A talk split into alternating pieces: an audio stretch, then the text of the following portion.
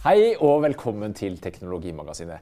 Vi har testet Googles nye ørepropper Pixel Buds, og vi har byttet ut Microsoft Office 365 med Giggle Suite. Hør mer om hvordan det gikk. Men først, det snør i dag, Per Christian. Det er vinter i Norge. Vi sitter mye inne, og inneklima det er jo mye snakk om at eh, det nødvendigvis ikke er så bra. og nå har vi jo etter hvert fått mulighet for å kunne måle dette sjøl. Jeg tenker på alle disse sensorene og smarte duppedittene vi kan eh, sette eh, rundt om i hjemmet vårt for å ha kontroll på inneklimaet. Ja, for det er egentlig det som har skjedd som er nytt i, i, i dette her. da. Eh, det er en liksom ukjent størrelse i hjemmet, egentlig. Vi vet ikke hvordan inneklimaet er. Og hjemme hos oss i hvert fall så har dette vært kilde til en ja, en god del usikkerhet, vil jeg si. For uh, vi har uh, så mange. Ett familiemedlem som er uh, litt plaga med astma. Ja, det er det mange som har. Barneastma er jo ganske mange som har. Så, og, og, nå nærmer vi oss også høysesongen for dårlig luft. Både ute og inne, egentlig. For om vinteren så lufter vi jo mindre, og da blir det vanskeligere å holde god luft inne også. Og da har jeg prøvd litt over tid å se litt på alternativene. Og eh, det første er jo liksom det der å prøve å lære noen ting. Bli klok på hvordan er det lufta ja, faktisk hvordan er, det? Fordi at stua. Hvis du liksom puster, så, så, er det ikke så veldig greit å konkludere med om det er bra eller dårlig. CO2 nå, tror jeg. Eh, så det første jeg sjekka litt ut, er jo denne her som heter eh, Netatmo Home Coach. Ja, For det er en av pionerene på markedet. Denne si jo, Netatmo var tidlig ute med denne type hjemmeluftsensorer. Ja. Den har vært uh, lenge på markedet, og uh, den er uh, egentlig var på en måte den liksom, pioneren. da. det den gjør, gir deg en veldig sånn streit karakter, på en måte. ser det bra ut? Ser det dårlig ut? Det som vi fikk ut av den her, var litt vanskelig, syns jeg, fordi det gir deg bare ett, egentlig en karakter i det du ser på appen. Og det er liksom litt av litt begrensa nytte, fordi det er ganske komplisert. Du, du, det er flere sensorer inni som måler forskjellige ting. Og, og, det som er mer interessant, er at det kommer jo da stadig flere sensorer. Eh, de uh, måler jo da ja, for Vi vil jo gjerne ha brutt det ned. for du ja. nevnte altså CO2 for eksempel, da, Det er jo superaktuelt eh, nå på vinteren. og Myndighetene anbefaler vel maks uh, eh, 1000 parts per million på CO2. Det får du ikke fram på den. Altså, Nei, du vet ikke hvor mye eller lite det er. Uh... Nei, og det er forskjellige på uh, forskjellige sensorer. da. en ting som også er ganske nytt, er det at du nå får radonmålere. F.eks. Uh, denne her som uh, lyser rødt, fordi den har målt hjemme hos meg, der det var overraskende mye. Selv oppe i uh, tredje etasje. Dette her er uh, Airthings Wave. Norske Airthings, ja. Norsk, mm. faktisk. Som har gjort det stort i USA, blitt svære der. Uh, men, det selges uh, mange steder i Norge Oi. nå. Oi, Vær forsiktig med Christian. vi får teste om tåler det nå. dette her. Uh, ja, radon også notorisk vanskelig å måle. Det Alternativet er på en måte at du har en sånn såkalt sporfilm som du liksom har på veggen eller et eller annet sted hjemme. Ja, Den kjenner vel sikkert mange til. Det er ja. mange kommuner i dag som tilbyr dette her. og ja, En liten svart boks som står i et par uker, og så gjør man en måling og får resultater tilbake i posten. Ja, og Det som er vanskelig med det, er at dette varierer jo veldig mye over tid. Sånn at uh, det å kunne ha en fast måler, da, eventuelt eller noen deler innad i slekta, f.eks., eller hva det skulle være, da, det er nok tror jeg ikke så dumt. da. Uh, og du kan få også ganske raskt oversikten over. Ja, For den måler realtime hele tiden. altså Her ja. er det poenget ja. at du skal sette den opp, og den skal sikkert... gjøre målinger gjennom hele året. Og ikke minst om vinteren, hvor jo radonnivået ja. inne gjerne går opp. Og det er jo som du sier, det er jo rett og slett for det er kaldere ute, og vi lufter ikke så mye. og Sånn som jeg forstått det, så vil jo da radon fra grunnen For radon er jo helt naturlig. Det er jo radon i, i alle boliger. Eh, poenget eller problemet er, vel, eh, er jo når radonnivået blir for høyt. Altså varmen eh, stiger altså Varmen i huset trekker vel radon mer ut av grunnen, da, sånn som jeg har forstått det når det er kaldt ute. Men La oss nå se på hva jeg fant her. for det som var, er jo sånn at Radon det skal jo egentlig ikke gå opp i tredje etasje, der vi har våre soverom. Eh, så jeg var jo ganske rolig på at her ikke skulle være så veldig mye. da. Så jeg satte den bare ned i kjelleren. Der var det faktisk veldig høyt. Jeg, men ok, nei, men da, La oss nå ta det i, i, tredje etasje, da. Der var det også veldig høyt. Det var jo litt sånn overraskende.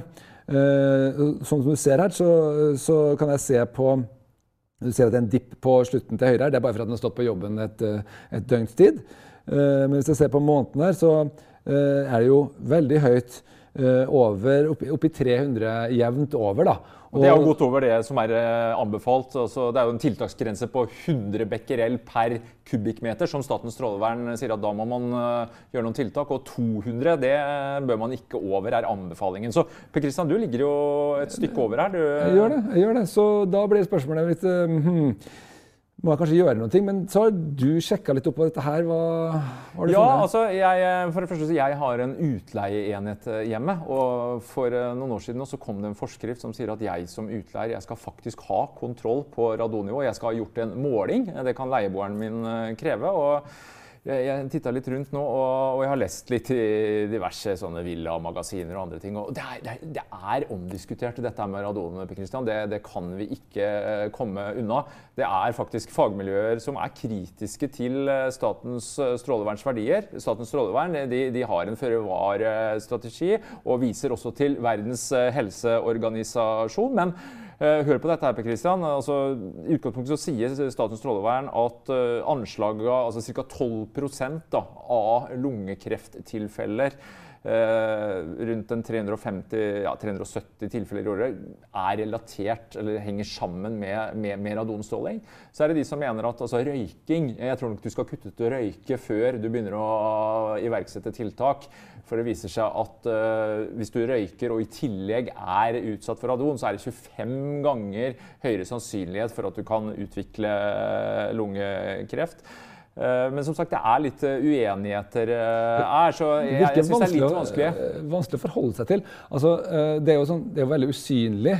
Veldig usynlig, ja. Det lukter ikke. lukter det... ingenting. og jeg tenker sånn, Tallene sier jo at det er 300 dødsfall i Norge i året. altså Det er flere som dør av radon enn som dør i trafikkulykker. Og jeg tenker sånn, Du gjør jo ganske store tiltak for å unngå trafikkulykker liksom i forbindelse med familien din f.eks.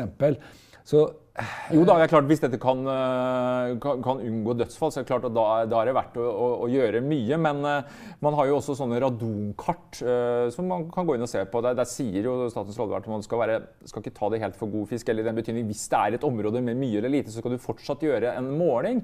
Men så er det de som mener at selv altså, Det er ikke noe i tallmaterialet som sier at det er noen overrepresentasjon av krefttilfeller i områder der det angivelig er mer radon. Da, og mener at det kanskje Det er ikke noe sånn klar én-til-én-sammenheng alltid i det tallmaterialet. Mm. Og så er det selve den målemetodikken som man snakker om, denne LNT-teorien som ligger til grunn, da, som snakker om økt eksponering gir eh, økt fare. Eh, men jeg er klart enig med deg Christian, at ja vel, det kan være omdiskutert, og det er eh, forskjellige fagfolk som kanskje har litt forskjellige meninger her. men klart Kan dette spare uh, menneskeliv? Altså, det er jo ingen som vil ha kreft. og så kan man da gjøre, iverksette noen tiltak. Og det bør ikke koste så mye heller. Det handler jo stort sett om å få lufta ut denne radongassen. Ja, Men det er andre ting som den her tar også, da, og som også disse andre målerne tar. Bl.a. luftfuktighet. Temperatur er jo ikke så spennende, men luftfuktigheten uh, den er jo en stor ukjent, egentlig. Uh, også vanskelig å måle i praksis. Og vi har vært da hos uh, uh, astmaspesialist og fått liksom råd for om å sette ut eh, sånne store kar med vann for å øke luftfuktigheten, luftfuktigheten i vinterhalvåret. Fordi det er noe som kan være uheldig. da, at For tørr luft det har en tendens til å gi luftveisproblemer. Um, og så har jeg også lest andre steder da, hos Astma- og Allergiforbundet Nei, uh, det, det, det motsatte. Man må prøve å øke luftfukt. Man må prøve å minske luftfuktigheten. Ikke sant, for å liksom, hva, hva, er det som gjelder her? Og, og, Det er tydelig at det er litt sånn motstridende råd. da. Um, og Da er det i hvert fall interessant å kunne måle. fordi at et typisk sånt Eh, råd som en lege gir, vil jo ikke være basert på hvordan det er hjemme hos deg. ikke sant? For det er store forskjeller. Det er, også... det er det som er så viktig med å måle. Da, at du i hvert fall får vite ok, hvordan er det akkurat hos oss. For det, er det eneste som teller. Hva gjennomsnittet har, er jo helt uvesentlig. Ja. Uh, så uh, det som uh, vi har oppdaga her, da, er jo at, at, nå at vi ligger sånn cirka på, på 40% på denne måleren her. Og det er faktisk veldig bra. Jeg snakka med Folkehelsa, jeg ringte dem. Eh, og eh, der sier de nettopp dette her at ja, balansen er veldig viktig når det gjelder luftfuktighet. Eh, det er en, for, en vanlig, for, et vanlig menneske som ikke er sykt eller sensitivt, på noen som helst måte, så er det stor eh, toleranse for høy og lav luftfuktighet. Helt fra ned i 20% og helt opp i 60 ja, det er stort. Uh, alt det der er OK, og du, kanskje ikke du merker noen forskjell på det. faktisk. Så det er litt vanskelig måte, for dem å, å, gi råd, men det er faktisk to ting som gjelder her. Det er det at Hvis det er veldig lav luftfuktighet, så kan det da føre som jeg sier, til en økt altså Du kan få økte sånne hostesymptomer og irritasjon, tørre luftveier. ikke sant? Men høy eh, luftfuktighet kan føre til at eh, virus blir raskere pasifisert. Og virus og, og bakterier Høres ikke bra ut. Så, sånne ting de er jo et stort problem knytta til sånne øh, altså Det er jo gjerne vanlige luftveissykdommer som blir forsterka hos de som er utsatt. ikke sant? Derfor er det veldig viktig å redusere alle mulige eh, bakterier og virus. ikke sant? Så hvis det er sånn, eh, så er det jo da Nei, det bør ikke ha for høy heller. Så det er nettopp det å kunne måle da, som blir viktig. Og da sier også Folkehelseinstituttet at ja, det kan være grunner til å tenke at rundt 40% kan være en god idé. Mm. Men øh, så er det liksom flere ting som gjelder i, i lufta. Så det er også partikler.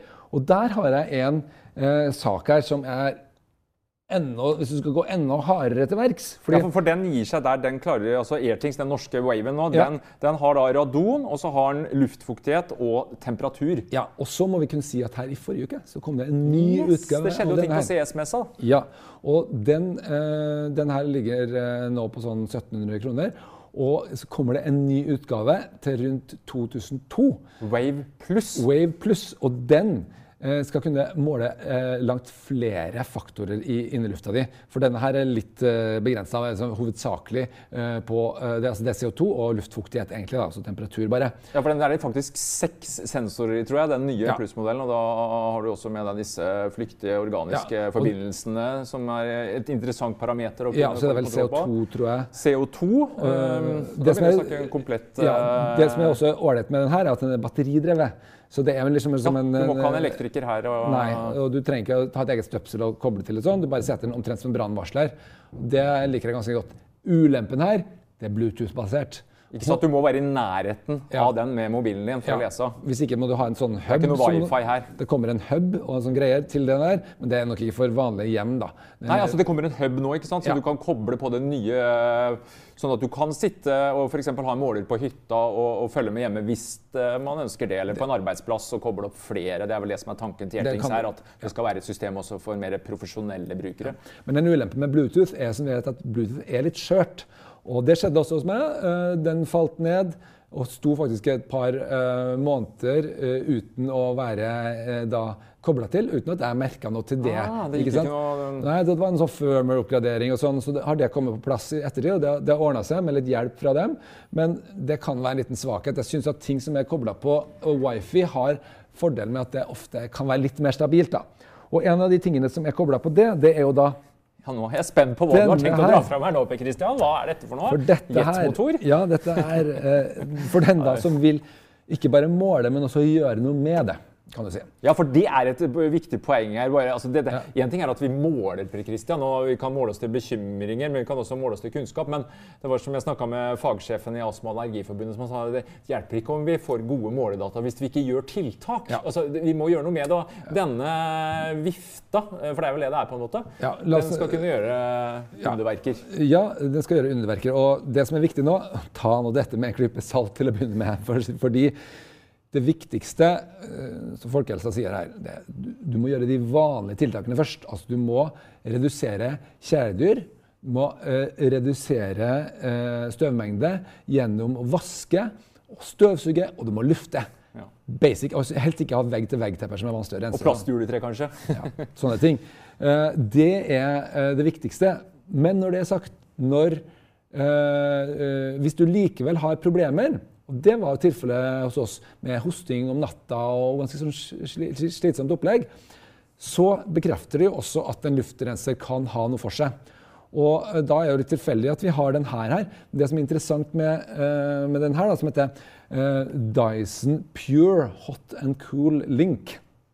Og den er veldig kostbar. Koster ca. 5000 kroner. Ja, det høres jo... Ja. Uh, men det som er litt morsomt med den, da, det er at uh, den um, uh, Skal vi se om vi får den opp her.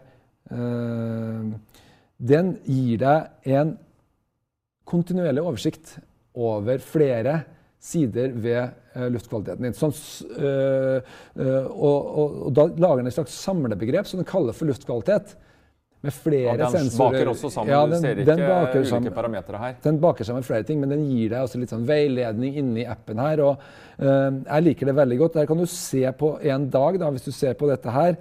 Uh, har, det, det, som gjør at liksom, vi kan lære litt, da, er at du ser litt over tid hva som skjer. Men se nå, uh, når vi ser inn i, i appen her da, på luftkvaliteten på én gitt dag, så er det plutselig at vi kan begynne å, å lære ting, faktisk. Uh, fordi at du ser her sånn, så uh, ser du liksom en topp uh, på, på klokka, rundt klokka seks. Uh, det full fart i heimen, da. Og dagen før, dagen før også, ser du her på slutten. etter klokka seks. Og her er det på skolen da, og jobb og Her er det på skolen, og hvis du ser Hvis jeg går litt, ser på hele uka, da, så går jeg lenger tilbake her. så går jeg tilbake til jula. Se hva som skjedde her eh, på tirsdag, onsdag i jula, det hadde absolutt ingenting. Det var 100% perfekt luftkvalitet. Okay, hva, hva, kan det skyldes? Jo, Det skyldes jo at det var ingen der. Nei. Nei. Og det her er jo veldig lærerikt, for det viser eh, hvordan husets luftkvalitet blir veldig veldig påvirka av eh, menneskene i det. Ja, men Vi puster jo ut karbondioksid. Pakistan. Det er jo helt naturlig. det. Jo og flere en, vi er jo... En annen veldig viktig ting det er at støvet virvles opp, og støvet faller ned. Sånn at det, og det du ser her, at når det er ikke sant, Du har barn da, som er på sitt uh, soverom. ikke sant? Typisk etter klokka seks. Da det er liksom aktivitet. Og så er det liksom rundt klokka seks på morgenen, og de oppholder seg ikke så mye der ellers. Og, og, og, og, da er det også det at denne luftrenseren slår til. Da. Du ser den blå linja under her. Det er da luftrenseren går. Ja, For det sitter også sensorer ja, som måler luftkvaliteten, og så ja. iverksetter den da tiltak. Men hva, hva slags filter snakker vi? Er det HEPA-filter? I denne her er det et sånt HEPA-filter. Uh, og uh, det skal ta alle mulige sånne uh, organ... Det skal ikke alle, mulige partikler. Og det er det 99,95% av alle partikler som er, alle forurensninger som er da, i lufta. Det må sies som det, det tar jo ikke da gasser. Eh, sånn som CO2 f.eks. eller sånt. ikke sant? Men, men, men veldig mye sånn Partikler vi snakker om. Ja. Litt som uh, min varmepumpe hjemme òg, som jeg, ja. jeg faktisk merka forskjell når vi installerte den. Da ja. var det en guttunge hjemme som har astma som syntes det funka. Og I de moderne og beste varmepumpene så sitter det også en del filtre som tar partikler som strømmer gjennom. Så at det har noe for seg, det tror jeg på. Men 5000 kroner, Per Christian. Det... Du kan jo få kjøpt luftrenser i dag, ganske avanserte sådanne, som gjør mye av det samme til en 1500-lapp-type. Uh, og jeg mistenker at at for at den her er jo da både en varmeovn også, uten vifte og ekstra fancy. Uh, ja, for du kan få varme òg, ikke sant? Og det er en aircondition. Så den kan gjøre begge deler og justere temperaturen i rommet. på den, på en måte. Så Det er jo mye du ikke trenger for å uh, rense lufta. Kanskje har du et helt annet fyringssystem, og da vil det være helt bortkasta. Uh, og, men det fins litt, litt, mindre versjoner. Design, ja, men... Uh, så, så, akkurat det skal vi ikke henge oss for mye opp i. Det fins mange modeller der ute. Det fins også de som har uh, sånn karbonfilter i tillegg. Og det er slett ikke nødvendig å bruke så mye penger som, som dette her. Man finner liksom hva som passer med oppvarmingsløsningen som er i hjemmet og, og sånn. da. men det som er det store greia hos oss, er at vi registrerer at det har vært veldig mye mindre hosting etter at uh, denne her eh, sto og gikk. Og, og, det er klart, da er man jo litt uh, villig til å betale for det. Det er, det er empiri godt som noe, det når man ja. faktisk merker at dette fungerer. Og når, nå er jo dette ett eksempel som jeg ikke har sluttet altfor mye ut ifra, men når Folkehelsa i tillegg eh, bekrefter at ja, i de tilfellene du gjør alle de andre tingene, og det likevel er problemer, så kan det her være til en viss hjelp. Ja. Så er det en ting jeg må bare dele med deg. Det var fagsjefen for inneklima i Astma- og Allergiforbundet. Han sa at ikke glem temperaturen. Han mente at altså, Hans kjepphest var at få temperaturen ned til 20 grader. Han mente at er det for varmt, så, så er det ikke det bra. Så det mente han kanskje var den, den, billigste og enkleste måten du også kunne være med på å bedre inneklima. Jeg tror jeg litt, vi er litt å gå på hjemme hos oss. ja, Pensjonistvarmen. Bra. Eh, vi skal ha en liten tur uh, utendørs. Uh, Airthings uh, var jo på CES. Der dukka det også opp en annen sensor. Jeg vet ikke om du fikk med den, Per Christian? Ja, Er det her noe uteklimasensor? Uh, ja, litt sånn ute, uteklima. Det går rett og slett på UV-stråler. Én ting er lungekreft, men det er jo ikke en tvil om at Og det viser seg faktisk at Norge, vi er jo i norgestoppen når det gjelder tilfeller av hudkreft. Og der er stor sammenheng mellom UV-stråling og, og, hudkreft. Og nå er det Loreal. Jeg er litt overrasket at et sånt kosmetikkfirma som Loreal dukker opp på CS-messa. De er nå ute med en superliten UV-sensor. De har klart å lage den 2 mm tynn og 9 mm tykk. De gjorde et poeng ut av at de kunne ha den som en liten sånn, ja, neglepynt, nesten. Du kan sette den på solbrilla di, på joggeskoa. Uh, er, det er ikke noe batteri. Det er grunnen til at jeg har klart å lage den så liten. For det har vært sånne UV-sensorer før, men det har gjerne vært litt større. Uh, L'Oreal hadde et sånt lite plaster her for et par år siden. Det var ikke så presist. Uh, men som sagt, superlite. Skal kunne klare å monitorere data over lang tid. NFC, du leser av på en app på telefon, og da får du rett og slett beskjed om at nå har du vært mye ute i sola.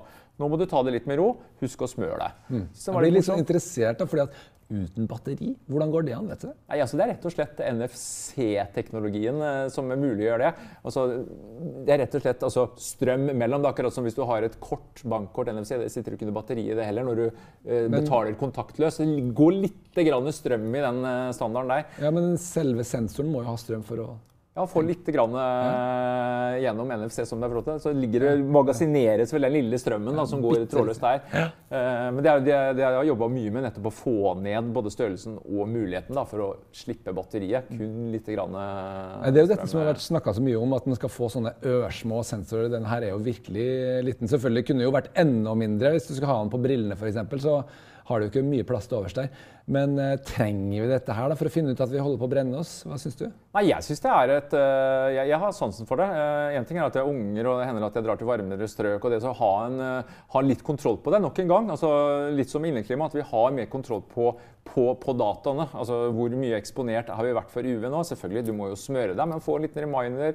Følge litt på det. og Jeg snakka med Kreftregisteret, og de, de, var, de, var, positive til det. altså De er jo positive til alt som kan på en måte gjøre at vi, vi unngår å bli eksponert for for mye UV. Men som de sier at de visste f.eks. i Australia, som har ligget helt i verdenstoppen når det gjelder uh, tilfeller av hudkreft, de har jo kjørt en kampanje nå, altså myndighetene er lenge når det gjelder dette. Smør med høy faktor, på med sola skikkelig intenst. og Der er de i ferd med å få ned antallet, mens vi i Norge nå dessverre er i ferd med å innta førsteplassen der. Så at det fortsatt er litt å hente på bevissthet rundt dette her med å beskytte seg mot sterk sol, og at en sånn type sensor da Får du det på appen, så er det litt morsomt òg. Ja, det er jo litt morsomt. Jeg liker også prisen.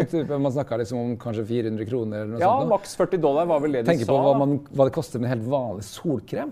Ja, så er det er ganske dyrt, faktisk. Ja.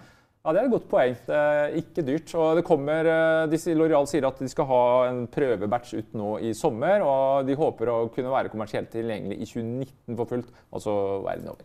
Kommer nok til å teste dette her? Det må vi teste når det kommer. Hvem vil vel ikke jobbe mest mulig effektivt og sømløst? Jo, i hvert fall vi her i Skipsstedet. Per Christian. Og nå før jul så kom det melding fra IT-avdelingen at Microsoft 365 skulle ut, og Googles suite skulle inn. For det er jo sånn at Google de jo, vil jo inn i markedet. De vil inn og kunne levere jobbverktøy. og hva skal vi si, Per Kristian? Hva er brukererfaringene etter å ha konvertert? Jeg synes Det var ganske sånn dramatisk eh, og overraskende at da hele Skipsted, altså Skipsted Norge da, eh, det, I tilfellet så var det 60 bedrifter og 3500 ansatte, det største IT-prosjektet i, i Schibsted sin historie, da, det gikk rett og slett ut på å bare si at nei, nå er det ikke noe mer Office. Sorry, guys, liksom. Og vi som har vokst opp med Office Ja, Office har jo fulgt oss helt siden vi begynte å jobbe, selvfølgelig. Dette var jo store suksessen allerede på 90-tallet. Den har liksom holdt seg der. Det var mange som eh, ble litt redde og lurte ja. på hva verden gjør vi nå. Ja, og særlig kanskje da at Outlook også skulle byttes ut. Den er jo veldig velkjent, da, men ikke noe som alle er helt fornøyd med heller. Så ja, det var uh, veldig spennende. Og man har jo litt sånn inntrykk der at uh, Google tilhører litt mer skyen, ikke sant? og litt mer kanskje fremtida. Uh, så det var litt sånn artig også å se på begrunnelsen, da, fordi man gjorde en sånn analyse eh, av de forskjellige faktorene. Det er jo utrolig komplisert og vanskelig beslutning å ta. Så, for alle brukere er forskjellige. Du har 3500 forskjellige brukere. Så hvordan skal du liksom klare å konkludere på vegne av dem? Det er selvfølgelig veldig vanskelig. Men uh, man gjorde liksom en del forskjellige uh, analyser på forhånd og uh, fant ut at Google scora på det meste best. Passa altså, vårt bruk her i Skipsted? Det var spesielt samarbeid. Uh, Funka bedre på Google, ble det sagt. da. Prisen var også bedre. Det skal sies at Microsoft har veldig varierende priser på sine ting, og man kan få dem helt ned i en sånn 50-lapp uh, i måneden. Ja, for Det er ikke nødvendigvis sånn at man sparer penger her ved å bytte. På det kommer an på hva slags pakke eller hvor stor pakke man ønsker å gå på. Både Microsoft og Google har ulike typer nivåer man kan gå inn og Ja, Men det som er klart, er at Google baserer seg jo enda mer på bare være i skyen. Og da har det tendens til å bli mindre support. og sånn. Support er jo veldig kostbar del av dette her, så akkurat lisensen er jo bare en, en del av det. da. Uh, men uh, så har du liksom det som kalles for kulturell til... Om det passer med kulturen i organisasjonen. I organisasjonen, og Der skåra de veldig bra. Det som viste seg, det var at alle de utenlandske bedriftene til Schibsted var stort sett allerede på Google, så der passa det jo veldig bra. Mens vi her i Norge var jo ikke på det. Så det var vi liksom da, som fikk den store bøygen her sånn. det som Microsoft scora best på, det var det som rett og slett Office-funksjonalitet. Og spesielt offline-funksjoner. og det er kanskje ikke så rart, siden de kommer da fra en offline-verden, verden, rett og slett. Ja. Nå skal vi si det at også Google har helt klart lagt til rette for at du kan bruke deres ting offline. F.eks. hvis du lager en eh, presentasjon eh, som du selvfølgelig skal, er redd for at skal ryke. ikke sant? Eh, hvis du ikke får nett der du skal holde den, f.eks., så har du en enkel knapp der bare å lagre denne til offline, og så eh, funker det. Jeg testa selv, og det var helt eh, utmerket. Ja, for Det er jo viktig å få fram her at Google tilbyr da akkurat de samme applikasjonene som det, som det Microsoft har i 365-pakka. Du har en ekvivalent til PowerPoint, Excel til en viss grad. Altså, det er rett og slett et likt økosystem på mange måter da, når det gjelder uh, arbeidsverktøy og programmer. I hvert fall er det litt sånn delt opp på samme måte, veldig inspirert av originalen. Ja, som det er ikke tvil om hvem man har... Uh... Office, ikke sant? som har prøvd å gjøre dette her bedre. Og på mange måter er det enklere, det er færre funksjoner. Eh, sånn jevnt over, men de har det viktigste. Eh, og eh, det som er aller viktigst, er at de er helt klart bedre når det gjelder å jobbe samtidig inne på samme dokument. At et team kan gå inn og se hva de andre gjør i sann tid. Inne, den ene skriver den ene setningen, den andre skriver den andre setningen. Og du ser hvem de er. Ja, for Det er liksom en av de kanskje største fordelen eller forskjellen her. At collaboration, samarbeid, ja. der er Google lagt enda bedre til rette. Det er det du sier. Altså, det er det som er opplevelsen vår. må vi nesten kunne si så langt. Jeg, jeg syns at det fungerer veldig bra. Også det andre er at hele systemet er på en måte basert på ikke at du skal drive og sende filer rundt omkring. Du skal eh, helt unngå det, og det tvinger deg nesten til det på en måte som faktisk brukere syns er ganske frustrerende. Men det resulterer i at du får ett dokument. Eh, et helt, riktig versjon hele tiden. Ja, det er ikke noe tull med de versjonene og sånn frem og tilbake. Eh, så det er, er, har jeg hørt tilbakemeldinger på. Folk er veldig fornøyd med at det blir mer oversiktlig. da.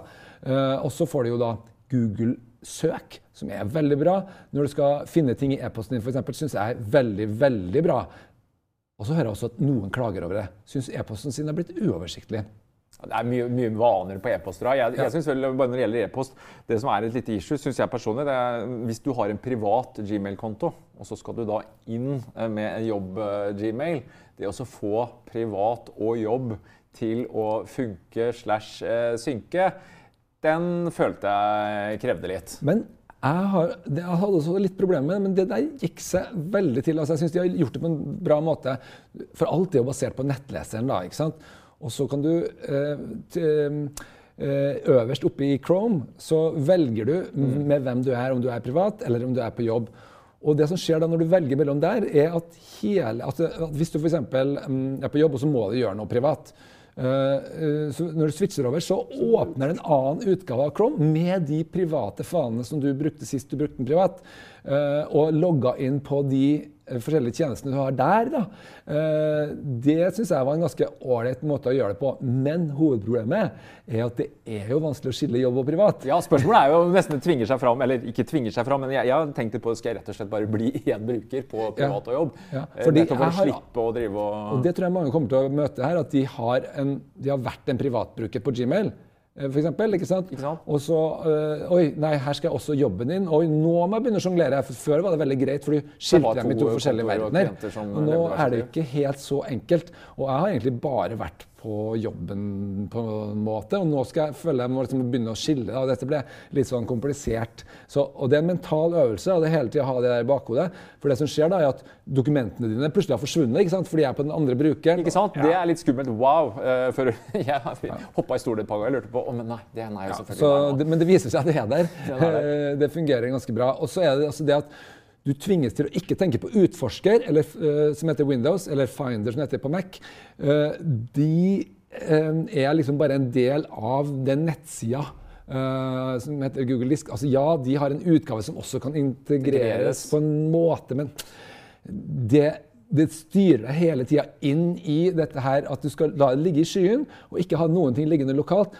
Det er litt verre å få det inn der. Det er litt mindre sånn dra og slipp og sånn funksjonalitet. Men når det først er der inne, så er det egentlig veldig greit. altså. Jeg syns veldig mye har med tilvenning å gjøre. Jeg ser mye Ja, eldre brukere uh, syns at det har vært ganske tungt. Og at e-posten er forvirrende, spesielt uh, har jeg hørt fra flere. da.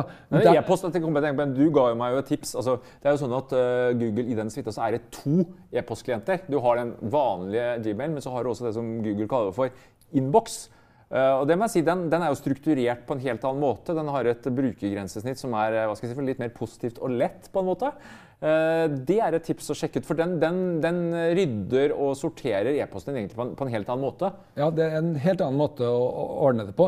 Og den er så flink, fordi at den for når, når du vet når du bestiller billetter og konsertting og sånn, så eller og fakturaer, det der, og eh, forskjellige kategorier som lager den automatisk. Og den er såpass smart at den klarer å sortere e-posten din sånn sjøl. Og eh, den store eh, fordelen, syns jeg, da, med, eh, hele eh, hele Gmail-systemet er jo at det er basert på sånne etiketter i stedet for egentlig mapper. Eh, som gjør at ting kan være på flere steder på en gang. Det betyr at det er lett å finne. Du har bare ett sted å søke etter alt. Du må ikke begynne å tenke på hvilke forskjellige mapper det ligger i. og sånn. Jeg syns, det er lettere å finne, men ikke alle syns det. Eh, jeg har litt inntrykk av at yngre brukere ja, syns det er greit. Eldre brukere syns det er tungt å gå over. Ja. Men skal vi da på en måte våge oss på en slags konklusjon? da? Ja vel, vi har jo gjort oss våre brukererfaringer. Det er nok sikkert en del av seerne våre som sitter der ute nå og kanskje er, jobber på en arbeidsplass hvor man vurderer nettopp å konvertere fra Microsoft til Google. Eh, bør man gjøre det? Skal vi tørre å si noe om det? I hvert fall hvis du tenker på privat. bør? Ja. så øh, funker dette her eh, veldig bra. Eh, det er sjelden at man har noe behov som ikke dekkes av Google sin eh, suite. Eh, på uh, proffmarkedet så har øh, konklusjonen vært hos oss alle verktøyene er bra nok fra Google, bortsett fra Excel, som ikke er avansert nok, og der det er for mye tilkoblinger mellom Excel og andre Ja, avanserte største finansapplikasjoner og sånn. Mm. der eh, er det noen finansbrukere de får fortsatt lov til å ha Excel. Ellers så er det liksom nei, dere skal bruke eh, Google. Og det viser seg, man finner omveier. altså Man finner ut av det etter hvert. Og det er stort sett en, en vanesak, og det er mange fordeler også. Så jeg syns for min del opplever at dette har vært en positiv eh, opplevelse, eh, der jeg ikke ser så veldig mange ulemper. Men som alle andre store overganger, det er smertefullt mens det pågår. Og man må gjennom den gode gamle behovsanalysen, og man må, må gjøre jobben her når man setter seg inn og ser på fordeler og ulemper. Ja, det er en stor jobb for organisasjonen å finne ut av. Det er det. We have a new test of the first earbuds that uh, can translate immediately. Vi har en översättas omedelbart. Ah, vad trevligt! Vad tycker du om de nya hörlurarna här nu? You have to you have to press that button, you see. Ah, I see. Vad trevligt! Eh, vad tycker du om dem, de nya hörlurarna?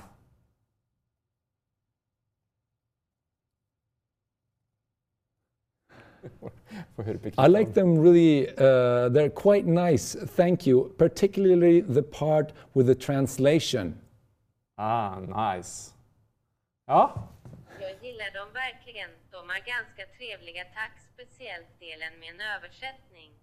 Ja, ikke helt flytende svensk på slutten der, men Per Christian, eh, Google Assistant med denne Instant Translate eh, innebygd. Vi er jo vant til den appen i og for seg, men Ja. eh, på Google har nå rett og slett putta, putta eller integrert oversettelsesfunksjonen i Google Assistant i eh, Airbudsa. Ja, altså Dette her er jo da de første øreproppene fra Google, og vi syns det var litt morsomt å få tak i dem. De er jo bare å få tak i USA foreløpig.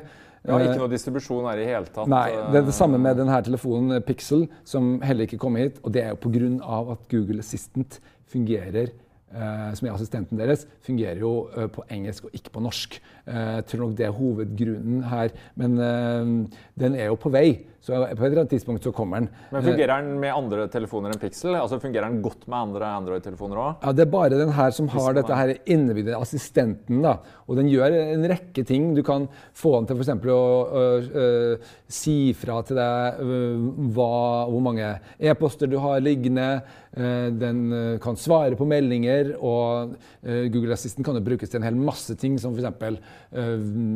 bare ø, vis meg de nærmeste eh, restaurantene fra Libanon. Altså det er veldig eh, masse funksjonalitet. Eh, hovedproblemet er jo egentlig å vite hva som finnes der. Og selvfølgelig her i Norge det at det er på engelsk da, som gjør at eh, det ikke fungerer så bra. Men jeg liker å snakke engelsk, så det er greit for meg. Men hva med eh, IOS og iPhonen min? Kan jeg, får jeg full funksjonalitet der, eller? Absolutt ikke. Og det Nei. store spørsmålet er jo hvordan vil det her egentlig fungere? Hvordan, hvordan virker det? De har gjort noen spesielle valg her. Eh, En kabel blant annet. Det er derfor det er interessant. Dette er ikke en kabel. Dette er bare en tråd som er mellom de to uh, proppene. Og så har de de har gjort noe som jeg liker. De har nemlig lagt dem utapå øret, sånn som eh, AirPods fra Apple gjør. De små tannbørstene til ja. Apple, som for øvrig ikke har den tråden, men Ja. de ligger på utsiden. Altså, eller de går ikke inn i kanalen, ørekanalen. Nei, og det, det liker jeg veldig godt. At du, får, altså det blir mer sånn, du kan bruke det mer i hverdagen. da. Um, og så har de da en liten sånn eh, Denne tråden stikker opp, opp her, og den skal du liksom da tilpasse og stikke ut inn i øret på den måten her. Og så sitter de ganske greit. Joggetur òg, eller er det Jeg har brukt den på joggetur, det funka, men plutselig så har du justert den her, og da passer det ikke helt. og Jeg syns egentlig hele opplegget det er ganske fiklete. Uh, ikke egentlig noe vellykka løsning. I tillegg så har du det at eh, de eh, eh, merker eh, eh, basert på huden her, om, om, om du liksom har dem i øret eller ikke. Og De har en tendens til å skru seg på. du, for Det som er fint, er jo liksom at du skal ha den hengende sånn. ikke sant? Men hvis den skulle henge litt sånn, da, komme borti huden her, så skrur de seg på. Ja, og, det, Og og, da, da- må du ha dem opp i eske for å slå dem av. Er det sant? Og da er det et kjempeproblem at de driver og skrur seg på stadig vekk. Ja. Om det, hva som er årsaken, det vet jeg ikke, men det har vært et så stort problem at uh, flere ganger har funnet dem da selvfølgelig uten batteri. Fordi han har stått og gått seg tomme. Ja, det er dårlig brukervennlighet. Et kjempeproblem. Så har du i tillegg da eskeproblemet her. Eh, De har jo også prøvd å lage en Den er ganske liten. Den er langt nær like liten som, um, som Apple sin AirPods. Den tanntrådesken til uh, Den er jo den minste av alle. Du ser, uh, den er ganske mye mindre. Den er jo fortsatt eh, relativt liten, da. Jeg tenker at det er innafor. Ja, ja den, er, den er i hvert fall mindre enn konkurrenten. Den her er liksom Ja, den her den er ikke så Den begynner å bli et år, over et år. Eh, den her kan nok hende at den blir litt sånn eh, smutsig, den òg, etter hvert. Eh, men Google er veldig opptatt av stoff om dagen. merke Ja, Google, det- bruker jo til og med VR-brillene sine. Eh, ja, ja. Og så har de laga et merkelig opplegg her. Sånn er det et styr.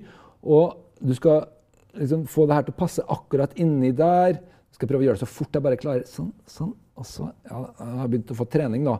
Så rundt her, og så opp der, og så sånn. Og nå har jeg lukka dem, og nå klarte jeg faktisk å få den her til å sitte sammen nå, men det var bare for at jeg jobba fælt, da, fordi den her tråden har en tendens til å øh, Ja, det- Skjønner? Altså, dette her er eh, Jeg tenker på i, i hverdagen vil at ting skal bare virke.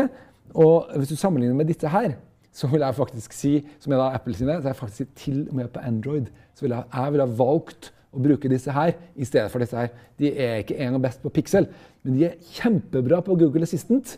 Ja. Så hvis man er veldig interessert i det, og den oversetterfunksjonen som jeg syns fungerer veldig bra, så klart det har noe for seg. Men ellers eh, Nice try, Google, men prøv bedre neste gang. Ja, for det var også litt problemet Jeg så en som var helt fra seg mente at hvis du skal pare med blåtann, så måtte du putte dem opp i esken. Altså Hvis Ja. du skulle bytte fra en device, ja vel, du kommer hjem, så vil du bruke de på iPaden din eller nettbrettet ditt. Ja. Så må du da opp i esken og pare og Og det, det, det, det, det, sånn tilkobling, ja, De har klart akkurat det ene som Apple har klart. at du, Når du åpner eska ved siden av en piksel, så klarer den å finne den bare sånn automatisk. Men det er bare omtrent første gangen. Og så hver gang du skal bytte eller sånn siden, så har du det problemet gående. Ja. Så overraska og litt skuffa over at Google ikke har klart å løse de brukervennligheten. kom ikke helt i mål. Det virker som de har sett at Apple har dette her. Oi, vi må få det ut fort. fort. De gjorde ikke helt støpt nok. Det holdt ikke. Bob Bob, altså. Ja. Ja. Da sier vi takk for i dag, vi, og sier på gjensyn.